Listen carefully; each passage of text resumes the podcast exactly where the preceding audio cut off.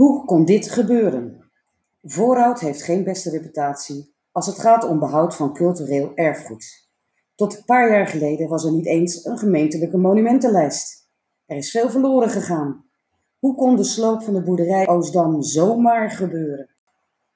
Tot groot verdriet van veel voorhouders is in de week van 24 februari 2016 definitief het doek gevallen voor de oude boerderij Oostdam aan de Herenstraat.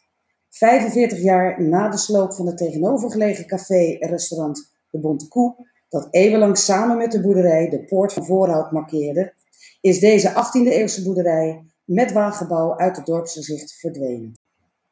Boerderij Oostdam was een van de vele boerderijen die het Linddorp Voorhout rijk is geweest. Daarvan is momenteel niet veel meer dan een handjevol over. Deze boerderijlijn loopt vanaf het Lisserbos aan het einde van de Loosterweg tot aan Rijnsburg. Op oude kaarten en gravures staat op de plek van boerderij Oostdam een andere bebouwing naast de Nagelbrug.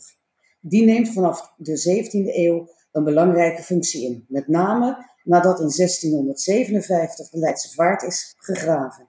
Sinds het in gebruik nemen van de Haarlemmer trekvaart is de lage walkant naast deze boerderij bestemd voor het aanleggen van passagiersschuiten voor herberg de Bonte Koe.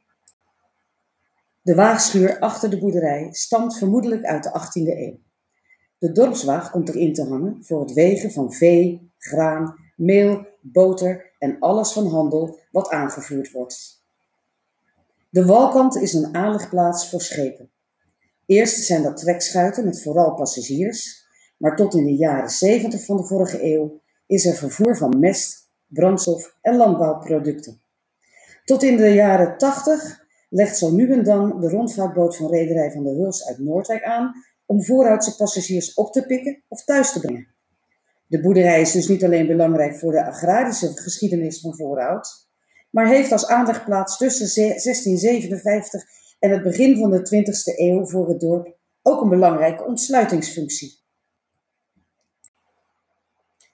Eigenaar van de boerderij aan het einde van de 19e eeuw is Bartholomeus Ruigrok van der Werven veehouder, landbouwer, schipper en fouragehandelaar.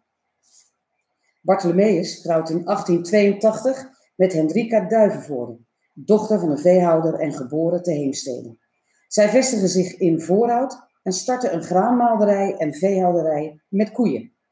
Op 23 maart 1886 wordt hun vijfde kind, Elisabeth Betje Ruigrok van de Werven, op de boerderij naast de Nagelbrug geboren. Betje groeit op in een liefdevol gezin.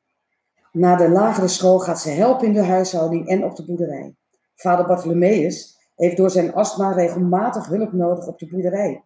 Betje wordt dan naar Oostdam aan de Hoofdstraat, nu Heerstraat, gestuurd met de vraag of een van de jongens kan komen helpen. Vader zegt, vraag maar naar Hein, die kan hard werken.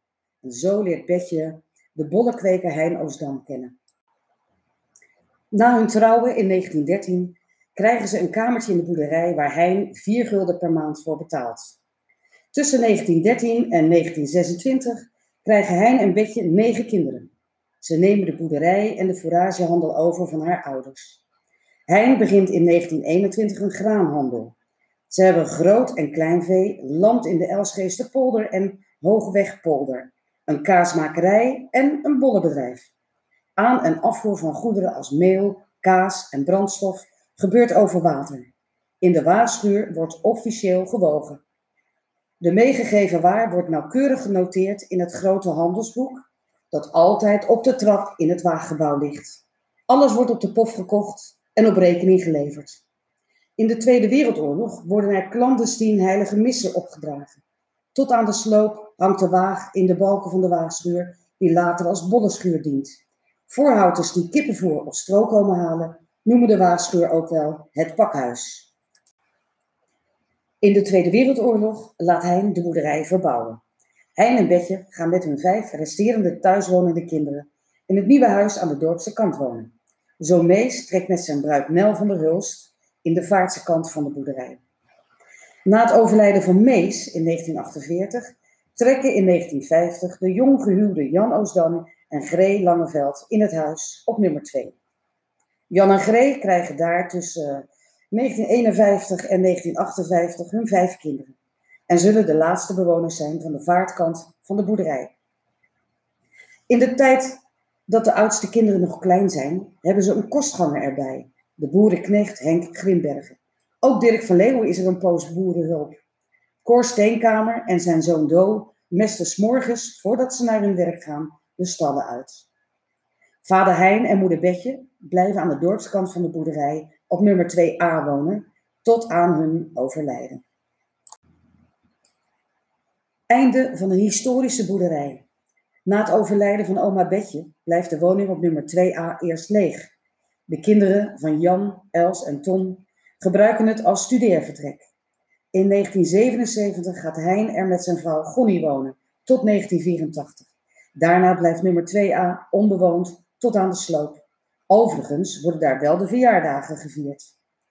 In 1988 laat Ton het erachter gelegen huis nummer 2b bouwen op de plaats waar voorheen de houten stallen stonden. Daar gaat hij met zijn vrouw Tini van der Hulst wonen. Na het overlijden van Jan Oosdam in 1993 blijft Gree aan de vaartkant wonen. Totdat ze in 2008 naar de Agnes verhuist. Vanaf 2008 staat de hele boerderij leeg. In 2010 komt hij te koop te staan. De hooiberg vormt een gevaar voor instorting en brand. In januari 2014 worden daarom het hooi en de hooiberg verwijderd. In 2014 wordt de boerderij al in principe verkocht aan de provincie. In december 2015 vindt de overdracht plaats en raakt de verkoop bekend.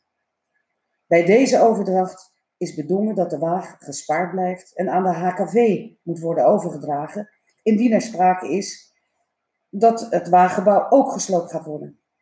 In december 2015 komt de protest op gang als blijkt dat deze poort van voorhout gesloopt wordt.